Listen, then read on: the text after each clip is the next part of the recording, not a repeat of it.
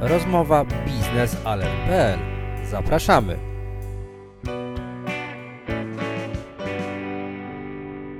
Shell e, widzi w przysz, e, w przyszłość nie tylko pokolorowaną kolorem benzyny i diesla, ale także innych rodzajów paliw alternatywnych. Wodór, elektromobilność, LNG. Dlaczego akurat te paliwa i czy e, możliwe jest zasilanie w przyszłości innowacje i inwestycje Shella w inne projekty, jak na przykład etanol? Rafał Molenda, dyrektor do spraw sieci i rozwoju stacji paliw e, Shell Polska. Świat stoi obecnie przed olbrzymimi wyzwaniami.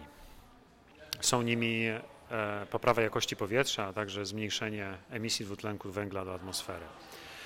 W Shell w tej chwili, tak jak Pan wspomniał, nie wiemy, któr- które paliwo będzie dominujące za 5, 10, 15 czy 20 lat. Wiemy natomiast, że dominacja benzyny i diesla się skończy.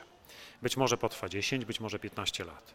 W jesteśmy, wierzymy w paliwa alternatywne jako paliwa, które mogą pomóc właśnie w zaadresowaniu emisyjności, a także poprawie jakości powietrza.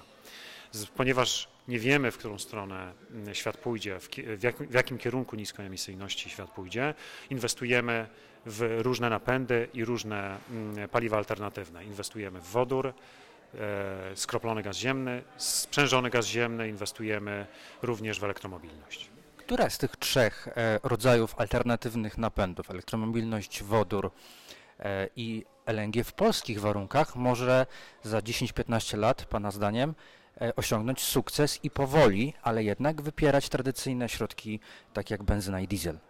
W Shell wierzymy, że każdy z tych paliw może stać się popularny. Na to ma wiele czynników, które de facto muszą się zadziać tu i teraz, po to właśnie, żeby paliwa alternatywne stały się popularne, były efektywne, a także mogły istotnie konkurować z obecną benzyną czy dieslem.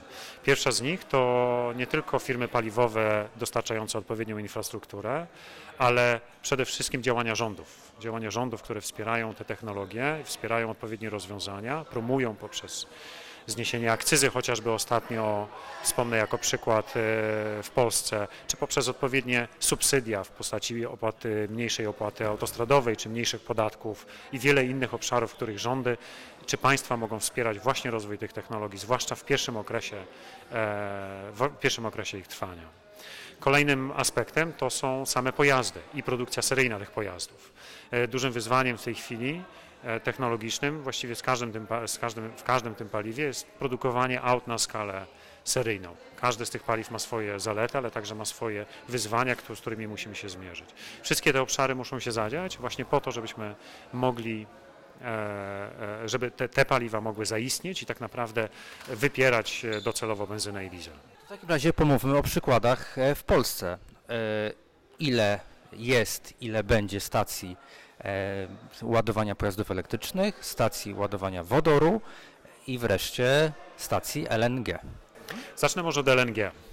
Polska, e, być może e, tego Pan nie wie, ale jest potęgą transportową, jeśli chodzi właśnie o transport e, dóbr e, ciężarówkami e, po drogach.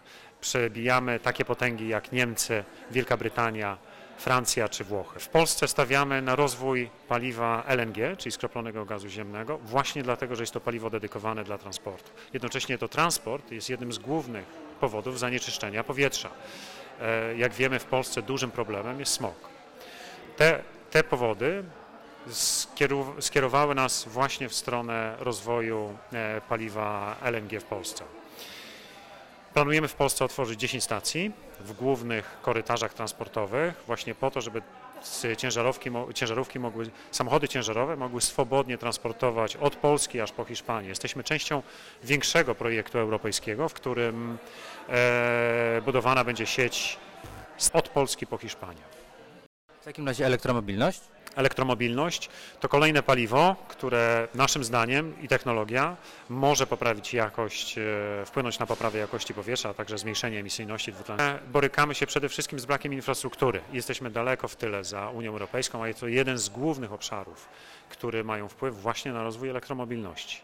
E, My jako Shell podpisaliśmy umowę e, z firmą Ionity, operatorem sieci ładowania punktów samochodów elektrycznych o dużej mocy.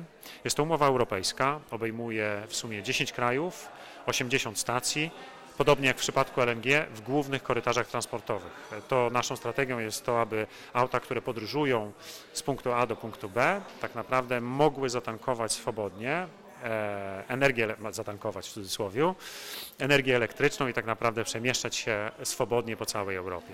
Ja tutaj dodam na marginesie, że te punkty ładowania samochodów elektrycznych są e, punktami o dużej mocy, czyli auta tak naprawdę będą mogły e, naładować swoje baterie w czasie nie większym niż 10 minut. W tym zakresie budowy stacji ładowania pojazdów elektrycznych e, wspiera to ustawa elektromobilności, bo ta ustawa ma na celu właśnie promocję i rozprzestrzenienie mm, liczby stacji ładowania pojazdów w kolejnych latach.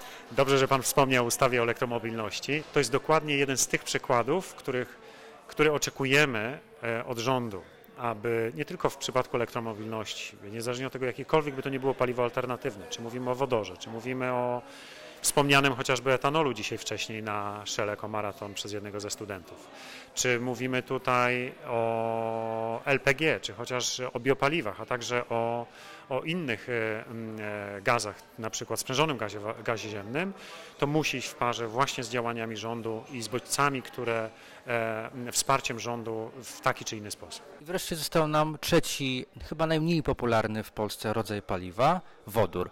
E, Za naszą zachodnią granicą to paliwo, można powiedzieć, zyskuje na popularności i tworzą się nowe stacje e, paliw, e, punkty ładowania wodoru, także w cudzysłowie mówiąc o wodorze. E, Jak to w takim razie wygląda w przypadku Shell i stacji w Polsce? Zacznę może od Niemiec, bo tam prowadzimy bardzo duży projekt. E, Planujemy otworzyć w ciągu najbliższych trzech lat 400 stacji właśnie oferujących wodór dla aut produkowanych seryjnie. E, W tej chwili mamy już ich e, funkcjonujących kilkanaście, e, wspomnę jeszcze raz, w Niemczech. W Polsce nie mamy planów rozwoju wodoru. Po części jest to związane z tymi elementami, o których wspomniałem wcześniej, czyli brakiem takiego wspólnego działania wielu różnych branż, ale nie tylko branż, ale także rządu, firm paliwowych, firm produkujących auta. W momencie, kiedy te trzy obszary razem ze sobą zaczną współpracować, jest szansa na to, żeby wodór zaistniał również w Polsce. E, Moje ostatnie pytanie będzie dotyczyło mm, tego, y, co może pomóc w przyszłości rozwojowi tych paliw, a więc y, konsolidacja na rynku y, w Polsce i w Europie. Czy Pana zdaniem tego typu działania konsolidacyjne mogą pomóc e, w a rozwoju tych nowoczesnych technologii, o których Pan e, wspomniał e, w naszej rozmowie? I jak to może wpłynąć na y, konkurencję w końcu dla samego klienta? E, Konsolidacja, e, może e, patrząc szerzej, nie tylko w Polsce, ale w ogóle w Europie, widzimy, że następuje.